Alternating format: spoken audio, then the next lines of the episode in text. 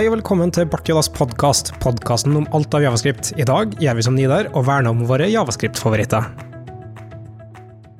Ja, vi er faste panelet Jeg vet ikke om vi noen har en sånn fast rutine på hvem som vi introduserer, men vi har i hvert fall Christian med CH, Det er meg.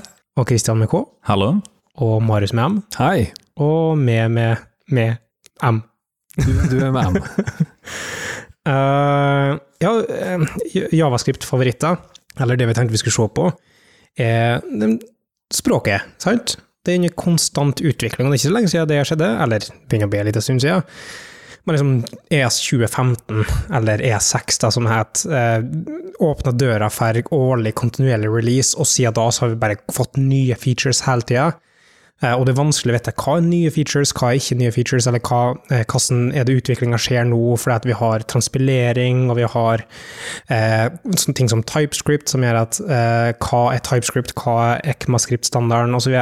Så, jeg tenkte rett og slett å ta et skritt tilbake, eller eh, kanskje et skritt i spesifikasjon, eh, og se hva slags features er det som er i NTM Stageren, som er våre individuelle favoritter, eller overlappende favoritter. Eh, standarden blir utvikla Vi har, vi snakka om det her litt før, men bare sånn kjapp recap. Den blir utvikla på en sånn strawman proposal-prosess. er det noen som har kjennskap til det, som har lyst til å forklare det? Eller? Strawman proposal-prosess. Ja. Ja, jeg foreslår egentlig at du kan begir deg ut på å forklare hva det er. Så nå er det en sånn tabell eh, vi titta på, det er sånn champions og sånn. Mhm. Inngår det i Ja. konseptet? Samme. Du må gjerne ta hvis Det, du er det er mange termer ute og går her nå, Mm. som vi burde få eh, Ja. definert. Eh, da skulle vi hatt uh, prosesseren foran meg. Har. Men det, det er eh, i utgangspunktet fem forskjellige prosesser. Eh, og, og så prøver jeg å kjøpe meg tid mens de får det opp. Eh, men det, uh, det starta med liksom den første greia, som er stage null, og det er strawman. Og det er bare hvem som helst kan komme inn med et eller annet uh, med en eller annen eh, Forslag. forslag. Uh, og da trenger du ikke en champion, som du, som du snakker om. Men for at det skal bli en del av et faktisk proposal, så må det formaliseres, skrives om, og så må du ha en champion i TC39.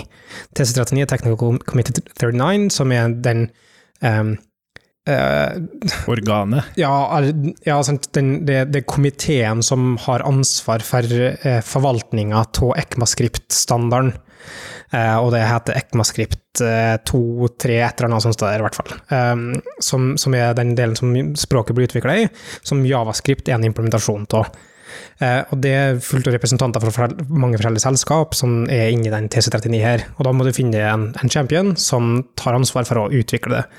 Og så er det et par sånne forskjellige krav for at det skal gå videre. Da. Um, etter proposal så er det draft, eh, og da eh, må du ha igjen, du må ha en champion VR, eh, du må ha en definisjon eller en spesifikasjon til et høynivå API, du må eh, kunne diskutere eh, key algorithms, dette er ting som går inn i, i, i proposal, um, og du må ha eh, identifisert cross-cutting-ting, står det, Uh, men som å bli akseptert som stage 2, så må du ha det og en komplett uh, initial spec. Så en, en førsteutgave av spekken, og da må du dekke alle de forskjellige casene som det går i.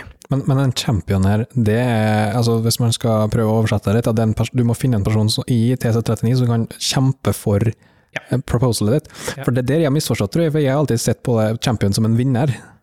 Nei, eh, Og det- champion er din representant i arenaen for å kjempe gjennom det her i komitémøter. En sponsor, kanskje, i Ja. sånn organisasjons... Ja, for det gir mye mer Gladiator. Ja, Ja, en gladiator. Det, er- det er i praksis det. Tar det under vingene og går i kampen for det. Ja. Og, og det er ganske tett knytta opp mot sånne champions, så så vidt jeg skjønner, som for eksempel han Dominic eh, Nicola, eller hva heter, eh, som har vært i Google i lang periode og har mye i språket, vært i TS39 siden 2013, så vidt jeg vet. Er det han Promise-fyren? Ja. Ja. Um, han uh, oppdager nå at han er ikke lenger i TS39, og da ser han en del proposals som er tilknyttet han, så står det rett og slett champion withdrawal. Uh, Så da har de ikke fortsatt eh, de, de proposalene som han jobba med, fordi han ikke lenger er i, tydeligvis i, i komiteen. Da. Vi fant ikke årsaken til det, men det står på som en delt oversikt over inaktive proposals. Jeg lurer på om det er litt sånn du sier gladiator, om det er litt sånn derre At de kommer, og så står det komiteen på rekke, og så går det liksom, klapper de litt på skuldrene og ser om de er fit til å være gladiatoren din til å Ja, kjempe for saken din, liksom. Altså, jeg tror nok det er ganske sånn oppheta diskusjoner tidvis. og Det er mange sånn fram og tilbake, og mange har forskjellige interesser å ta vare på her. Eh, Men alt dette er åpent. da, så eh, Det finnes ES Discussions, eh, en nettside som har eh, åpne diskusjoner, der hvem som helst kan komme med forslag. Eh, Og så er alle møter er notert og, og, og har referat for oss, så det går an å se. Eh, Kjapt to siste eh, stegene. Du har nummer tre, som er kandidat, og da er det intensjonen om at det her skal bli gjort. Eh, Så da har du en fullført spekk, og så har du egne reviewers, og så er det editorer har signert off, eh, står det. Eh, Og så er det steg fire, som da er i praksis ferdig. Og så en eller annen plassen her, eh, jeg orker ikke lese sånn eh, nå, men en eller annen plassen her så er det at eh, minst to vendors skal ha implementert en ferdig implementert eh, løsning på det, og du skal ha eh, test 262-tester, eh, akseptansetester for hele greia. Og ofte kan det være sånn at nei, Chrome og Firefox har implementert det, så da er det på en måte det, som en akseptert greie. Så når det er i, i proposal 3, så er trygt å anta at det eh, kommer til å bli, og 4 da er det i spekken. Um, så av våre favoritter skal vi egentlig se litt over hele linja, men det er klart at de som er på stage 2 og 1 og 0, det har garantert kommer til å endre seg. Eh, egentlig, eh, i hvert fall. Til lenger ned du kommer, til mer usikkerheting, og til mindre eh, er, er liksom hashed out all the details. Da. Eh, men tre og fire, det, det er forholdsvis sikkert. Eller fire er da sikkert, da. Er det noen som har lyst til å starte? Jeg, jeg det er ikke så spenstig. Jeg tenkte jeg skulle være sånn den der eh, Holde meg litt på bakken, jeg. Ja. Så jeg føler at det blir litt rart å starte med det som er på bakken. Jeg tenkte jeg skulle liksom lande litt. Å nei, vi kan jo starte på bakken. Vi kan starte litt på bakken? Ja, det er sånn du klatrer. Jeg, vil, jeg liker veldig godt eh, Array uh, includes-metoden. Mhm. Jeg titta spesifikt veldig etter sånne metoder som jeg bruker, noen prototypmetoder jeg bruker, og andre metoder for den saks skyld, men Array includes, den er jeg veldig glad for, for det altså, Alternativet til det tidligere var jo in index off, og hvis det er uh, mer enn minus én, eller mer eller lik null, altså, det, ja, ikke sant, det sier egentlig ingenting om at du bare lurer på om den er inni arrayet. Mm. Eh, jeg skal ikke forklare, overforklare det noe mer enn det, men eh, Ja, for indeksoff returnerer jo da indeksen til det elementet det finner. Mm, og minus én hvis det ikke finner. Ja, så det er jo på mange måter nesten en liten hekk, da. ja, det ting. føles som en Og i hvert fall for en som kommer inn i språket, og liksom ok, hvordan er det jeg finner ut om noe er i en liste, så er det klart at include sier langt mer mening. Men, men det er interessant det du sier, for at uh, det her er en sånn typisk språkutvidelse som er standardbiblioteket. Uh, og det har vi sett en del av i senere tid, at det har blitt mer og mer standardbibliotek. Uh, og så er det liksom syntaksutvidelser. Så det er både og som går inn i, i, spekken her, da. Mm. En, eh, vi tenker vi tar en, eh, en kar, eh, og så tar vi runde. Tar vi runde, ja. Ja. Eh, jeg har sånn, eh, starter med en, enkel en som er stage 4, eh, samme som Array Includes, eh, som jeg oppdaga var i nyeste Nodo, som er utrolig handy. Uh, named capture groups for regulære uttrykk. Endelig kommet i, i Javascript. Um, som har vært i Perl-implementasjon og mange andre uh, språk eh, sin regex. Men bare at du kan navngi capture groups i regex, som er utrolig nyttig når du lager litt kompliserte uh, regex-parsinger. Det er handy. Named capture groups der, altså. Ja. Men du, har du brukt det? Ja. Mm. Har du et eksempel? I, i Ja, si at du har lyst til å eh, parse en, si en URL, og så har du en spesifikk format på det. Den første skal være ID-en, den andre skal være uh, uh, sideantallet. Så da har du en eh, backslash W for alle slags alfanumeriske tegn med bindestrek, og den andre er en uh, D. Tar du dem rundt i parenteser, så blir det en capture group. Da tar du, henter ut den informasjonen her. Det er sånn regex funker. Eh, men det går vanskelig å vite hvis du har um, uh, mange sånne capture groups, og du, når du skal hente ut igjen. Uh, en annen ting er at ofte så kan du referere til tidligere capture groups i regexen i seg sjøl. Og da er det greit å ha det named uh, i stedet for den numeriske bortover. For vanligvis så får du, får du bare et array, ikke sant? Med alt, så du vet egentlig ikke helt hvor det hører hjemme. Men i tilfellet her så får du et objekt der du har nøkkelen definert som en del. Og spesifikt så er det vel eh, i begynnelsen av parentesen så er det spørsmålstegn, og så krokodilletegn, navnet på, på gruppa di. Mm. Men jeg, bare kunne vi tatt opp den, for den forsto jeg ikke helt eh, Det er ingen som har den derre match all? Var det, nei. eh, Replace all. replace Nei, ikke replace all, for den er jeg, den vil jeg ta etterpå. Ok. Uh, men det var en annen. Ja. Vi kan bare hoppe over det, hvis ikke jeg husker det. Kan Men det på også- det? Eh, det også hadde noe med um, gruppering og sånn å gjøre. Uh, Regiexp.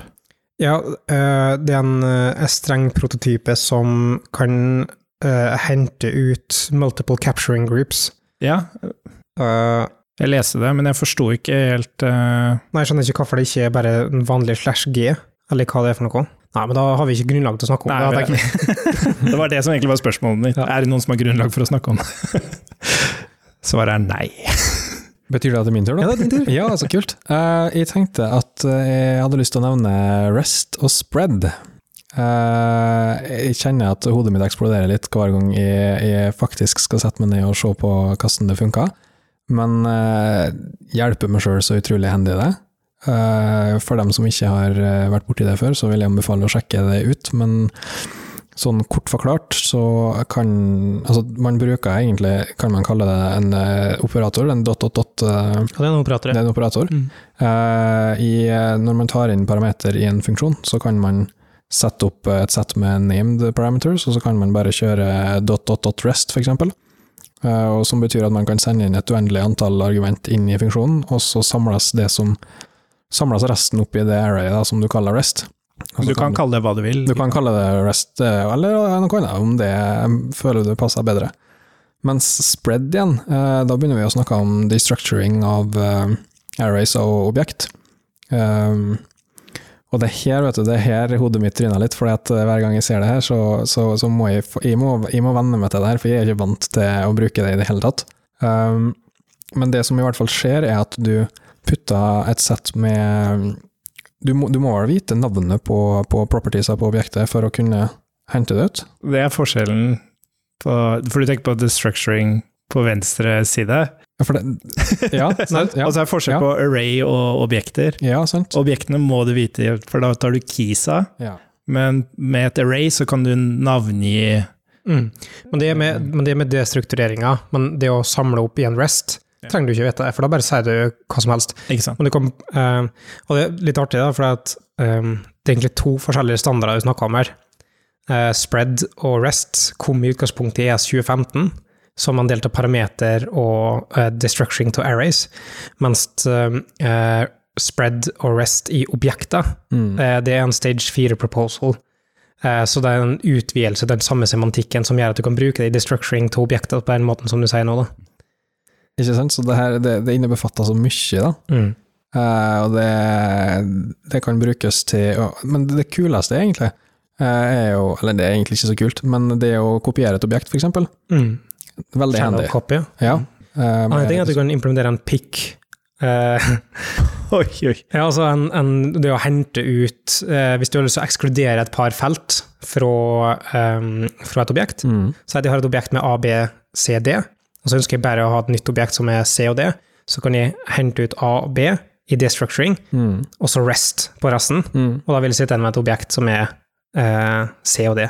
Så har du Ja, rest er ja, COD. resten er Ja, rest er eh, C og D, ja. Mm. Så en språk, det er en enkel syntaktisk sukker, men som gjør at du kan uttrykke det uh, tersely, da.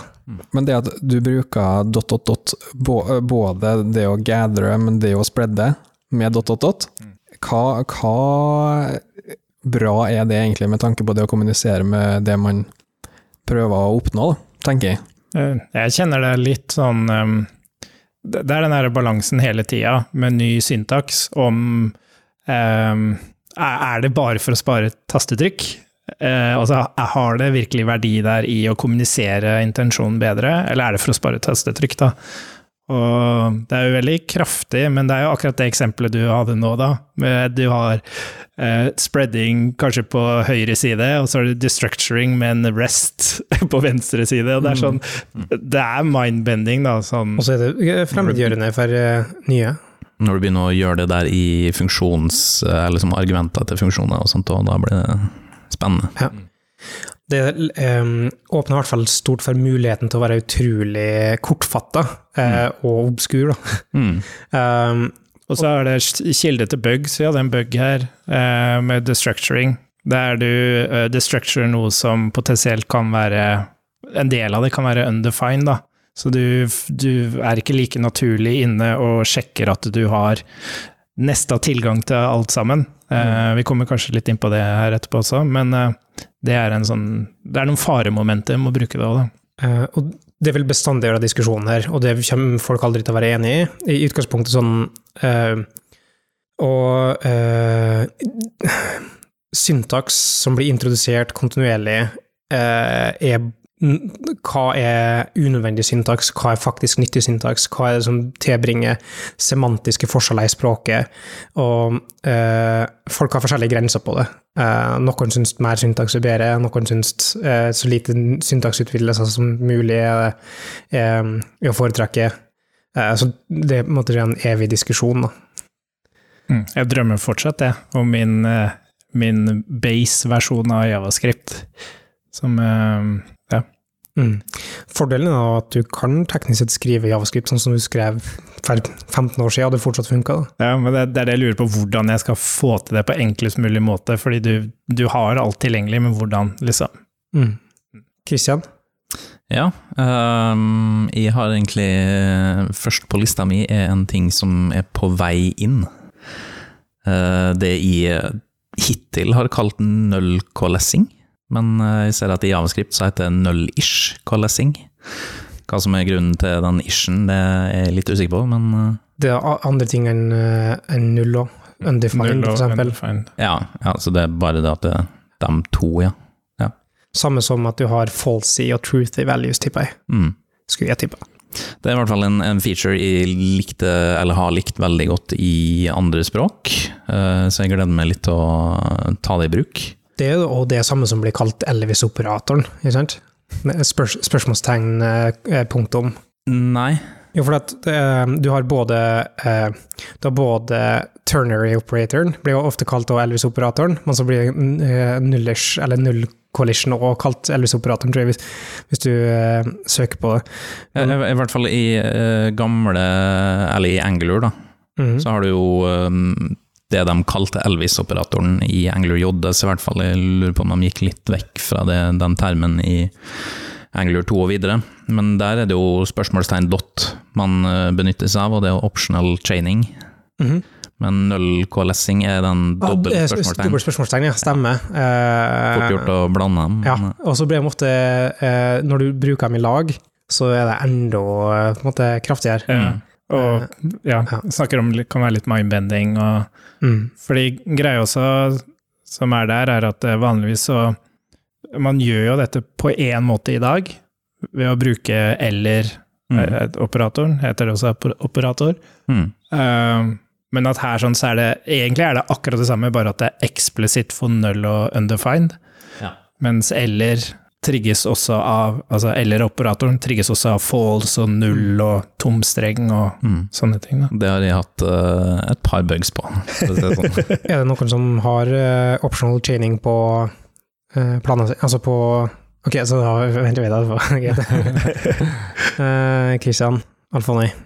Min tur igjen? Ny, ny runde. Ok, eh, Det er sånn quick fire round uh, blir det her nå. ja, ja, men jeg, jeg tror det er lærerikt, det. Um, den her bruker jeg ganske ofte allerede, mens den andre, de henger veldig sammen, det er object.values. Så det er når du har et objekt, og de fleste kjenner nok til object.keys, så du kan iterere keysa i et objekt. Eh, Men her sånn så drar de jo ut eh, verdiene i objektet istedenfor. Så får du det ferdig i et array.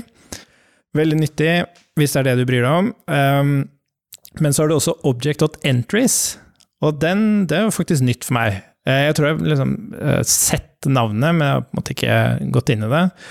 Og det som er veldig fint med den, er at eh, hvis du har object.keys, så får du jo keys, har du object.values, så får du bare verdiene, mens object.entries gir deg begge deler. Og snakker om destructuring og sånn, så innså jeg plutselig hvor nyttig det her er, da. Så når du da skal iterere et objekt, og du er interessert i både keyen og verdien, så kan du bruke object.entries, og eh, itemet, eller argumentet du får inn i callbacken på for each eller map eller hva enn du bruker, det er faktisk et array. Der den første verdien er key, og den andre verdien er value. Så da kan du bruke array destructuring til å da liksom for eksempel skrive key, value, da. Så har du de to tilgjengelige og kan gjøre hva du vil med det.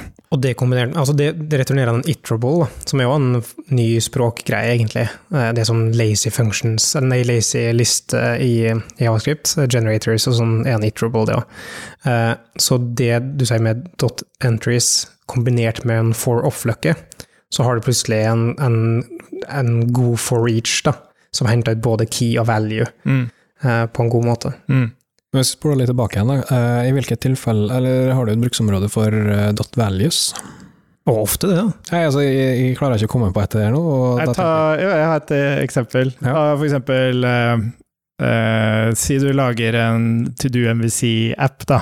For eksempel. Med en mutable approach, og så vil du selekte alle eh, Eller complete alle aktive to do's. Mm. Så kan du bare Og så har du det i et objekt, da. Og så tar du object.values, og da får du hver to do.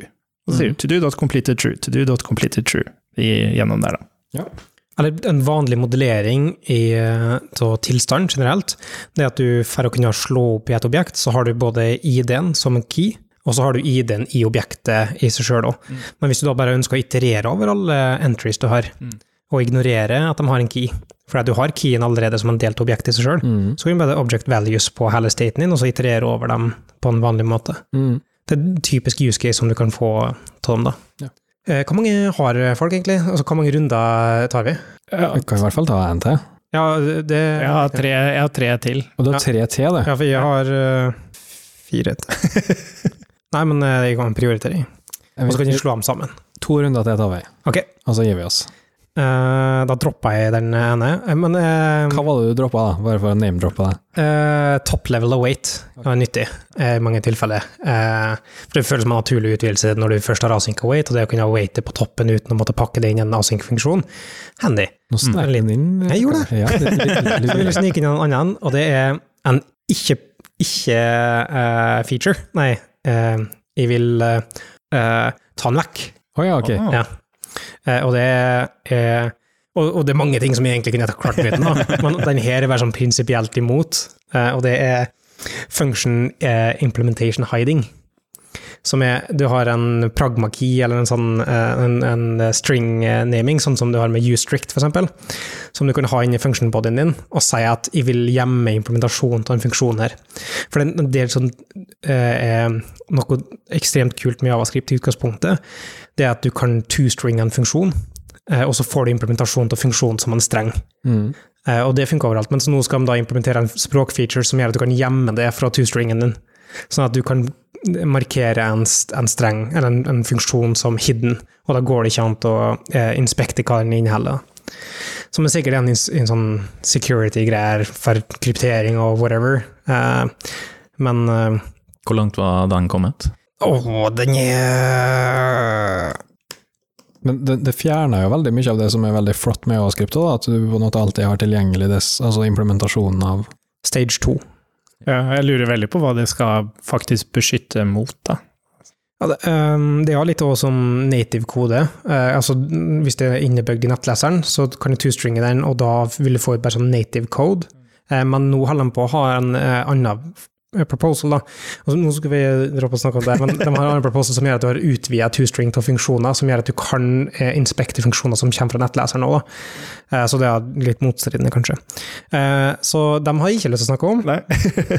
eh, men for å gå til den vi skal snakke om, så må vi helt tilbake til Skal vi se hvordan eh, det blir. stage 1 Oi. Oi. Og nå begynner vi å snakke. Og det her er en ting som jeg har ført med i mange, mange år. Eh, først så var det liksom eh, Lee Byron fra Immutable JS og Graf QL og sånn, som hadde en, en, proposal på det. Og så tror jeg han eh, Sebastian Markbåge var inne her en liten stund. Eh, og nå har de endret navn på det, og nå er det nye champions. Og de championsa som er her, er fra Bloomberg.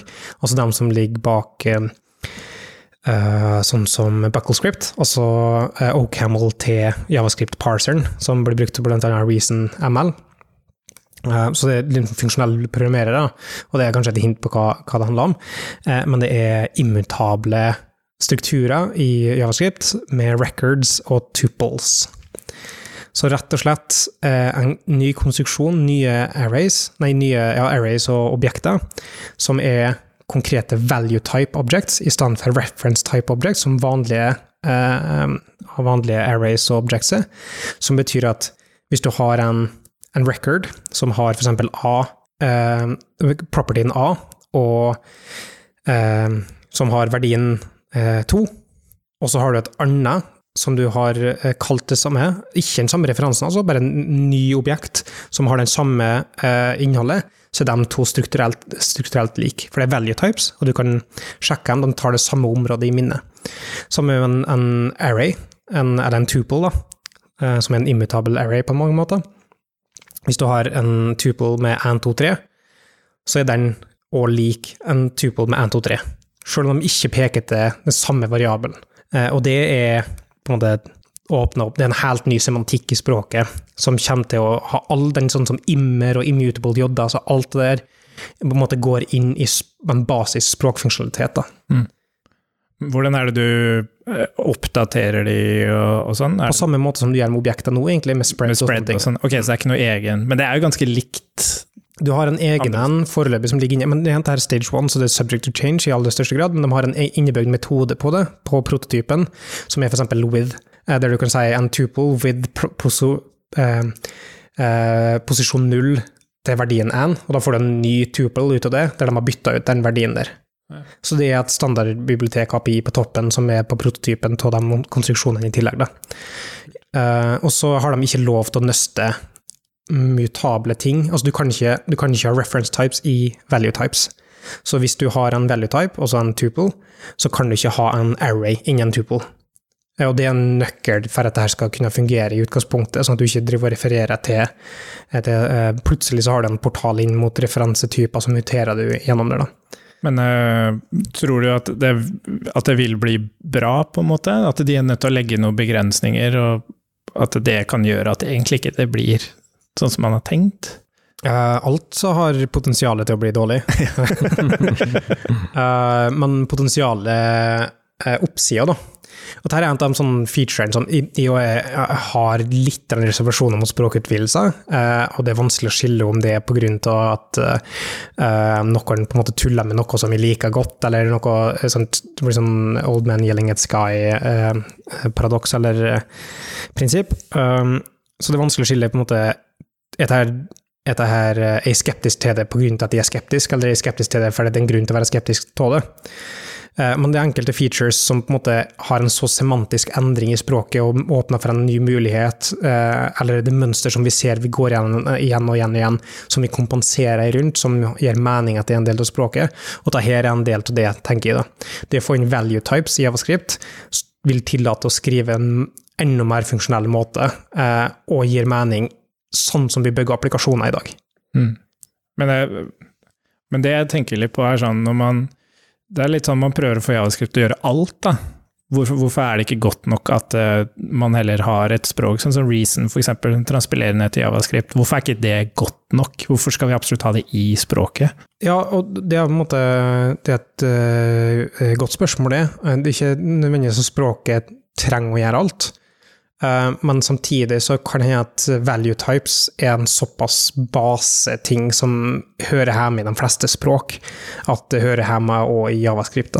Og det ser vi at det egentlig hører hjemme i det, for du har ting som immer, og du har ting som immutable j, altså du har ting som overmind, og er som prøver å simulere immutabilitet. Eh, og når du da har så mange som driver med det, og så mange som bruker det, men på en måte tar en dans hver gang man skal gjøre det for å få det til, da er det på tide å ta det inn i et språk, da, tenker jeg. Det er synd egentlig at eh, gestikuleringa di ikke oversettes til audioformat, for eh, det hadde vist hvor varmt du egentlig snakka om det her. Uh, ja, vi kan slå litt på mikrofonen for å på en måte Nei, jeg, jeg tror ikke du trenger det. Det var i hvert fall records and tuples. Eh, interessant. Og eh, det blir eh, som et vanlig objekt og array, bare prefiksa med en skikar. Skigarden. Skigarden er tilbake igjen. Betyr det at det er min tur nå? Mhm. Er du ferdig? Har du tømt deg, skulle du si? Mhm. Eh, jeg tenkte at eh, altså, du snakka om å, å dra det ned på jorda, jeg skal dra det enda lenger ned på jorda. Og bare ta noe så enkelt som uh, 'proposal to allow trailing commas in function parameter lists'. Ah, Ja, ja. det syns jeg er litt flott, da. Eh, og den offisielle argumentasjonen for hvorfor vi burde ha det, er jo egentlig for at man, eh, i de tilfellene man har så mange argument i en funksjon at det rapper over flere linjer, så trenger man, hvis man skal adde et eh, parameter, så trenger man bare å endre ei linje og ikke to. ja. Eh, Det her er jo akkurat så det blir jo en ny sånn Og så må det inn i linteren, og så må det inn i Prettier, og så må det Det har uh, Prettier har for så vidt allerede støtte for det, det har det. Eh, og ESLint har også støtte for det, for så vidt. Men um, Ja, men det kompilerer ikke nå? er jo også parseren som, som de bruker, og Babylon som Babel bruker, alle de parserne støtter trailing commas. Oh, ja. Utenom es, hva heter Esprima eller noe, men den har vel eh, kanskje blitt avleggs, da. Ja. Jeg har ikke så mye mer å si om det enn akkurat det, enn at jeg syns det er flott. Og der går vi kanskje litt inn på den som vi diskuterte tidligere. da. Vi merka at uh, det ble liksom spent, uh, anspent uh, stemning. For ta sånn, kanskje det som vi ville ha kalt en syntaksutvidelse, som er mikrooptimalisering for arbeidsflyten til folk. da. ja. Definitivt. Men er du imot den? Ja. Fordi at Den er unødvendig. Og så er det en ny ting å diskutere. Altså, skal vi ha det, skal vi ikke ha det? Altså, Kan vi ikke bare ha det, da? Kan vi ikke bare koste mer å ha det enn å ikke ha det. Igjen, eh, den diskusjonen der kommer til å kunne vare evig. Eh, Folk legger dem på forskjellige nivå, og folk ser nytte i forskjellige ting. Så jeg tror ikke vi eh, kommer til å eh, kunne komme til enighet uansett. Her handler det om å, å like og like ting Ja. i dag. Så vi er egentlig enige om å være uenige, da, det det du sier? Ja. Ja. Flott. Kristian? Yes. Um, jeg fortsetter tråden med ting som er på vei inn, som jeg også mener kan være en kilde til bugs, eh, eller til å fikse bugs, da.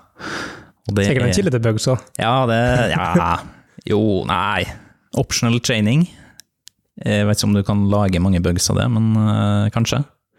Men eh, det er jo egentlig syntaktisk sukker på et vis, da, for det er jo bare å få ned en haug med if eh, statements eller Mm. conditions i en if ned til uh, fin lesbar kode istedenfor. For det det gjør, altså hva, hva er det på en Ja, det er den spørsmålstegn-dotten som vi Mhm. snakka om i stad. Så det er jo egentlig at du kan eh, Har du en veldig nøsta objektstruktur, så kan du gå inn i Altså du kan skrive det første objektet eller variabelen på den, og så kan du ha spørsmålstegn dot, og så går du inn i den, og så kan du ha spørsmålstegn dot igjen, og gå inn, og gå inn i uendeligheten. Da. Og på hver sånn spørsmålstegn dot så skriver du egentlig if uh, ulik, null og undefined.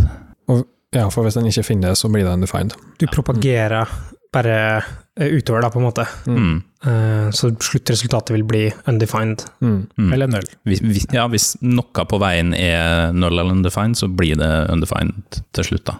Eh, Og for dem som bruker TypeScript, da, så er dette en del av TypeScript 3.7, Mm. så de kan bruke det i dag. Mm. Og det kan du òg gjøre hvis du transpilerer det via Babel og sånne ting. da. Mm. Dette var jo noe jeg brukte i TypeScript for ganske lenge siden, så det har jo eksistert en stund, har det ikke Kom det? på 3.7. Gjorde det? Mm. Da har jeg sikkert brukt noe lignende som jeg blander. C-sharp har, har det, det er sikkert en haug med andre språk som har det. Det kommer, eh, Jeg mistenker at det her er inspirert fra C-sharp i utgangspunktet. da. Mm.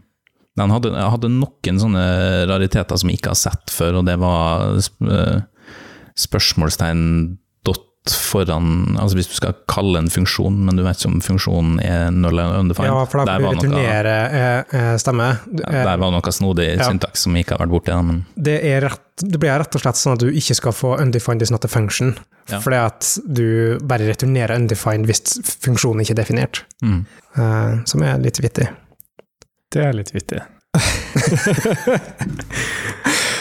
Det er en sånn ting også, som føles ut som en unyttig greie, men samtidig, når du bruker det, så, og i de situasjonene der du blir utsatt for at du har en lang nøste ting som du ønsker å sjekke og traversere nedover, så gjør det koden din mer lesbart, akkurat det her, da.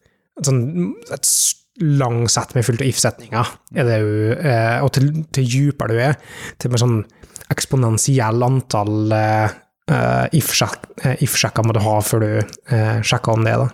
Men det er jo litt sånn, du må jo fortsatt sjekke om du har det, da. Nei, Typisk. altså det du typisk kan gjøre, er å kombinere det med den null collision-operatoren, Ja. som gjør at du uh, Eller hvis den undefined gir en default-verdi. Eh, Så egentlig jeg ser på det som et verktøy for å unngå null i større grad. Mm. For du er enklere til å si ok, her er den verdien jeg vil ha ut. Hvis ikke, så har jeg en default-verdi til den. Mm. I stedet for at du må propagere null rundt omkring og håndtere null i mange forskjellige retninger. Da. Mm. Så kan du på en måte hoppe rett til der du vet at du kunne ha en default-verdi. Mm. Og For min del så er det ofte det det handler om, det å eh, opte ut til null så tidlig som du kan det. Ja, ikke sant. Og så er det vel litt sånn forkortelse, jeg vil si du skal ha ID-en til et objekt, da.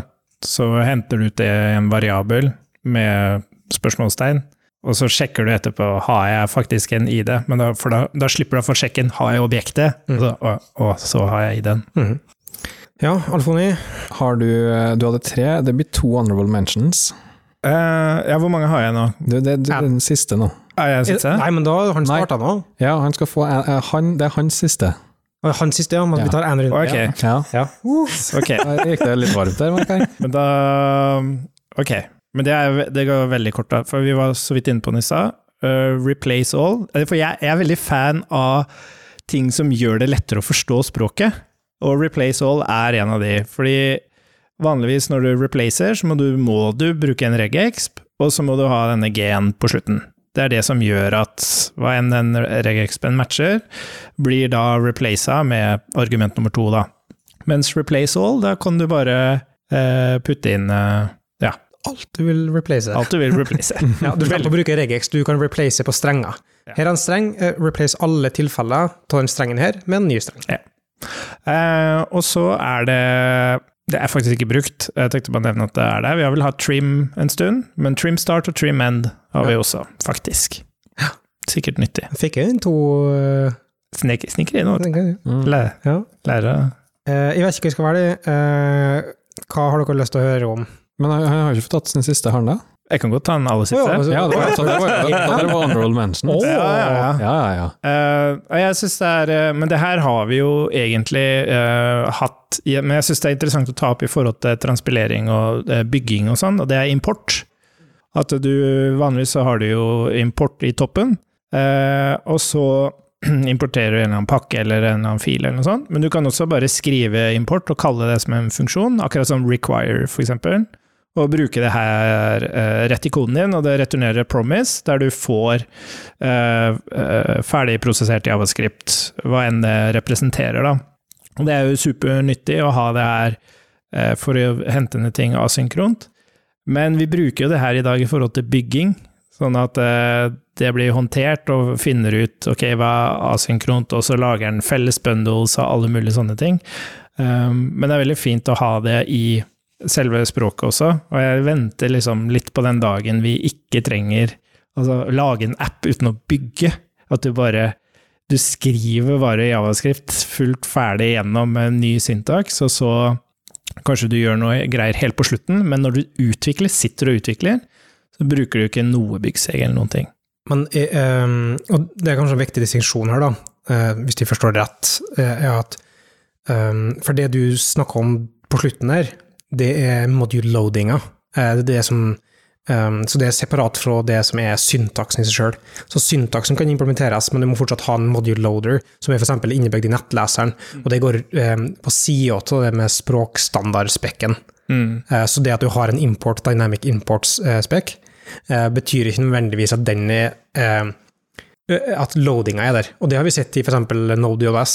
Nå nettopp har de fått eh, ESM-moduler fordi at de har hatt en sånn reconciliation phase med module-loadinga si. Mm. For det sånn, det heter noe system et eller annet greier? Ja, system import, men det er standardbiblioteket. Ja, mm, Eh, Men en annen ting med import, som vi så var en del av stage 0, altså en, strawman-greie, er nested import declarations. Statisk nested import som er scopa ned til det blokkskopet som du er på. Som er noe annet enn dynamic imports igjen, men at du kan ha en import statement langt nede i et hierarki, og den importen din gjelder kun for det blokkskopet. Mm. Ja, jeg har ikke satt meg så uh, uh, dypt inn i det, men det er liksom leksikalsk scope av nested imports. da.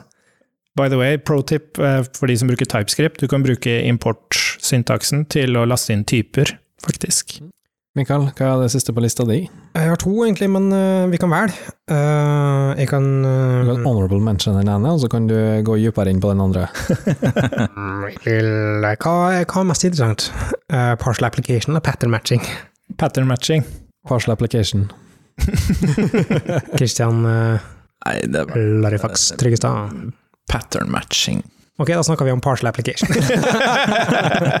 Nei, eh, vi, kan, ta party matching, men den som er eh, begge, Kjapt med partial, application. Um, du har noe liksom bind, eksempel, som er en partial application i Javascript, som gjør at du kan knytte opp spesifikke argumenter til en funksjon, og så eh, få en ny funksjon som tar eh, færre argumenter enn den originale funksjonen som du har, fordi du har knytta opp de, de argumentene. Um, her så blir det en egen syntaks for det, men det er ikke bare en syntaks. Um, igjen, det med syntaks for syntaks skyld er ikke nødvendigvis uh, min eple, men um, uh, det her vil påvirke måten du kan skrive applikasjoner på, eller det gir en viss form for semantisk endring òg. For du kan partial uh, ha partial application fra høyre, og det kan du ikke ha nå i Javascript i utgangspunktet. Altså, du kan redusere uh, hva slags Du kan redusere parameterlista til en funksjon fra høyresida av signaturen din.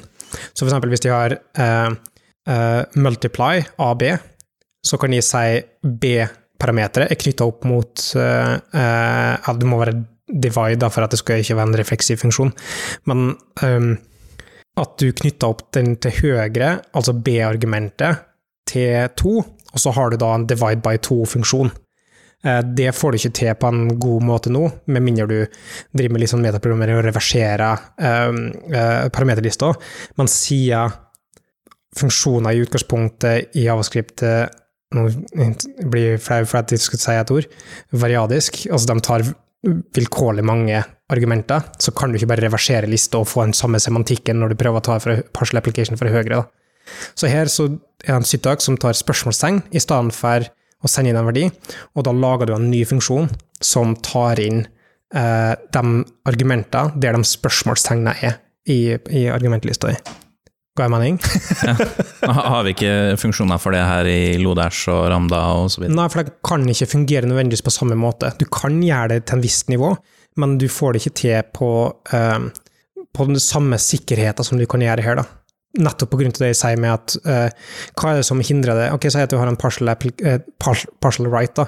Da må du i så fall etablere nøyaktig at uh, den funksjonen har en, aritet på to. Da kan du gjøre det. Men hvis du ikke vet hva den funksjonen har i utgangspunktet, så kan du ikke gjøre det på samme måte. Og dette er jo en ting som kan spille bra inn i, med pipeline-operator, f.eks. Um, som du kan si hva du vil om, men lar det i hvert fall skrive ganske sånn flytende kode, da. Eh, I lag med partial application, der du bare har satt spørsmålstegn med det du vil den skal bli inserta i den uh, argumentet som du har på venstre Mm. Hvis jeg husker rett, så har Ramda en uh, underscore underscore-metode eller noe sånt, som du kan liksom bruke til å sette inn på de stedene der du, som du vil Ja. at den skal hoppe over. Da. Ja. Jeg har ikke brukt, men det er interessant hva som får til det. Må sjekke ut. Ja. Um, Hva var det du egentlig skulle snakke om? pattern matching. Ja, Eh, og på mange måter så er pattern matching en glorifisert switch-case. um, som gjør at du kan destructure som en del av case-argumenter i switch-casen din. Uh? Switch tar inn en eller annen verdi, og så kan du sjekke om den verdien er det. I så fall gjør det, om det er noe annet, så gjør det. Så det er en case, og case etter case etter case, men de sammenligner bare på eh, verdier. Mens, men pattern matching, og igjen, det er noe som kommer fra funksjonelle språk, og det gir ikke nødvendigvis så stor mening i Javascript, fordi at i Javascript så kan du ikke ha exhaustiveness, altså du kan ikke tvinge å dekke alle caser i en pattern matching, og det, først der verdien til pattern matching virkelig skinner, men så dette er en, um, bare en liten gevinst der du kan kombinere det å hente ut verdier, destrukturere, og matche forma til objekt. Og hvis du kombinerer det med records, så kan du si send inn en verdi til den pattern-matchinga her. Hvis den har felt A, B og C, match den casen her. Hvis den bare har eh, A og C, match den casen her. I alle andre tilfeller, match den casen her. Igjen, det er en glorifisert uh, if-else-struktur, og en glorifisert switch case-struktur. Men det som gjør at den kan være interessant, er at den er, det er et expression. Eh, en switch, switch um, case er en statement, som betyr at det, ikke, det returnerer ikke noe. Det er som en if-else-greie. Du kan ikke returnere noe fra en if-else. Men en switch, uh, en pattern matching, den returnerer resultatet av det som er, som gjør at du kan skrive mer funksjonell programmering igjen. For at du kan bare ta en funksjon som eh, returnerer en eller annen pattern matching, og så pakker ut de verdiene, og så bruker du den rundt omkring. Så den kommer til å supersede uh, switch case i, i, så fall, om, om implementert. Da. Det er jo en, stage and proposal. Flott.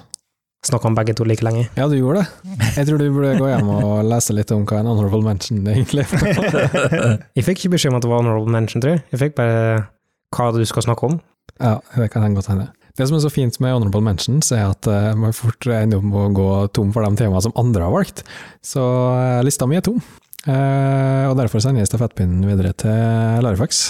Ja, min siste er et Stage 1 proposal. Um, Spennende. Ja. Det er observables. Ja, selvfølgelig. ja.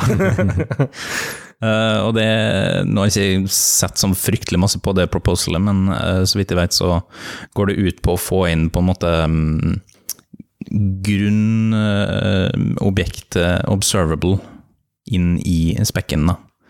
Sånn at du kan begynne å få funksjoner ellers i standardbiblioteket som returnerer observables. da. For eksempel istedenfor add event-listener nå, så kan du ha en add event-listener som gir den observable. Da. Eller du kan ja, altså du kan begynne å lytte på mouse move, f.eks., og ha en observable der du kan liksom chaine på uh, operatorer fra gjerne tredjeparts, altså RxJS eller whatever, annet, alle så er det tusenvis av uh, operatorene, og sånn trenger ikke å være i standardlibben, men bare den Eh, grunn, grunnspekken, ja, på en måte. Ja. Grunnspekken Observable er inni der, og gir oss muligheten til å bruke det på samme måte som Promises. da. Mm. De har jo formert seg over hele standard-libben. ja. Jeg kunne gjerne tenkt meg at Observables kom inn på samme viset. da. Det er en slags um, standardisering av et grunn... Uh, uh, et grunnsett som gjør at du får interoperabilitet mellom alle de forskjellige implementasjonene nå. Mm. Mm. Bare det å kunne sjekke på det, instance of observable, mm. det, er, eh, det, er, ganske nyttig, det, istedenfor sånn duck, hva kaller det, ducktyping. Mm. Mm. Ja, så jeg, jeg, håper det kan komme gjennom på uh, et visst punkt. Nå har det i hvert fall eksistert siden 2017, så jeg, så mm. det går jo ikke fort, men uh, Det var det første møtet mitt, eller um, jeg skulle prøve å utforske hvordan TypeScript kunne fungere i en sånn setting, så jeg prøvde å eh, eh, skrive types for eh, polyfillen. Og det var sikkert to år siden, i hvert fall. Så eh, det har eksistert en god stund. Mm. Uh, men den var fortsatt på stage 1. Mm. Jeg er litt usikker på hva er grunnen til at det på en måte aldri blir prioritert fram, og sånne ting. Hva er den vurderinga som går inn i det? Jeg tror de sikkert sliter med eh, hvor, hvor masse de må raske inn fra ja. RxJS og, og sånt. da. Mm.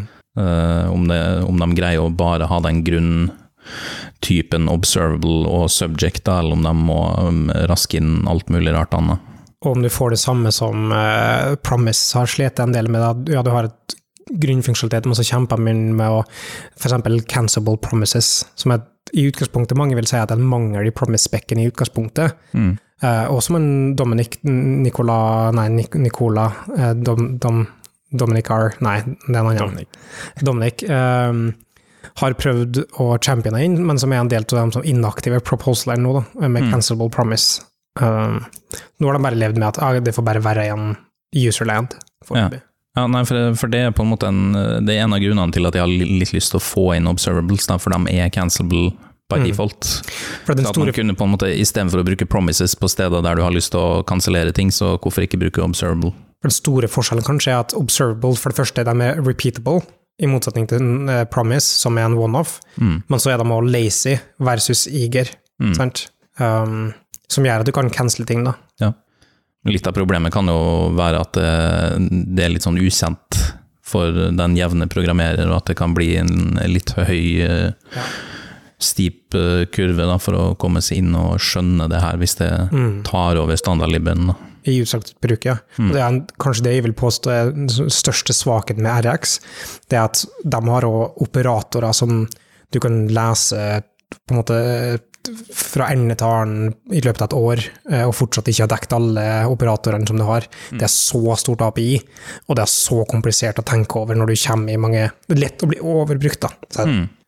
Nå har vi vært gjennom veldig mange temaer, eh, og så sitter sikkert noen og hører på og tenker de hm, hvorfor ble ikke min favorittdel av spekken nevnt?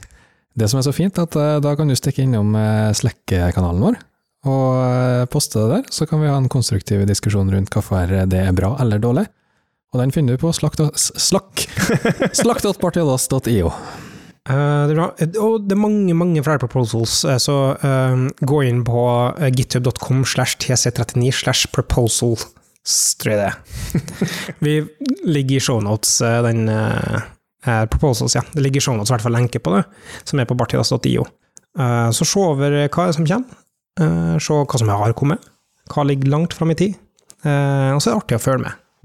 Vet vi forresten når Stage 4, eller 3, når det på en måte blir, kommer i våre nettlesere? Og eh, en del av det at det skal bli fire, som sagt, tror jeg at de er implementert i vendors, så typisk så blir de det ganske tidlig, altså. Eh, og mange stage 3-ting er bak flagg, eller eh, eh, anbefalt ikke brukt.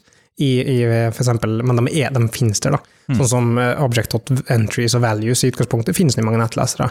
Uh, um, Men, så- men sånn ES eh, 2020, mm. når eh, er det 1. januar 2020, så er det liksom det som Nei, er den opererer på spekken og ikke på implementasjonen. Så uh, spekken sier kun noe om når det blir formelt en del av draft, uh, den formelle spe spesifikasjonen. Hva nettleseren og alle andre vendors gjør med å implementere det, det er på en måte opp til dem hva fort de eh, kan implementere i spekken. Men typisk så kommer den minst like fort i nettleseren som eh, den blir utgitt. Da. Eh, ja. Jeg tror eh, det var alt eh, vi rakk. Eh, hvis noen har spørsmål til det, Christian CH. Eh, jo, det er Christian med CH og Alfoni rett etterpå. Eh, overalt. Og Tryggestad. Det er brukernavnet Larifax på Slacken for eksempel, eller Twitter. Marius. Vi finner du som vanlig på Twitter på attkrakels. Eh, og vi finner òg på ett Mikael Brevik, eller òg faktisk så hender det svarer på ett underscore Bartiadas. Da gjenstår det vel egentlig bare å si takk for at du hører på. Så høres vi i neste episode.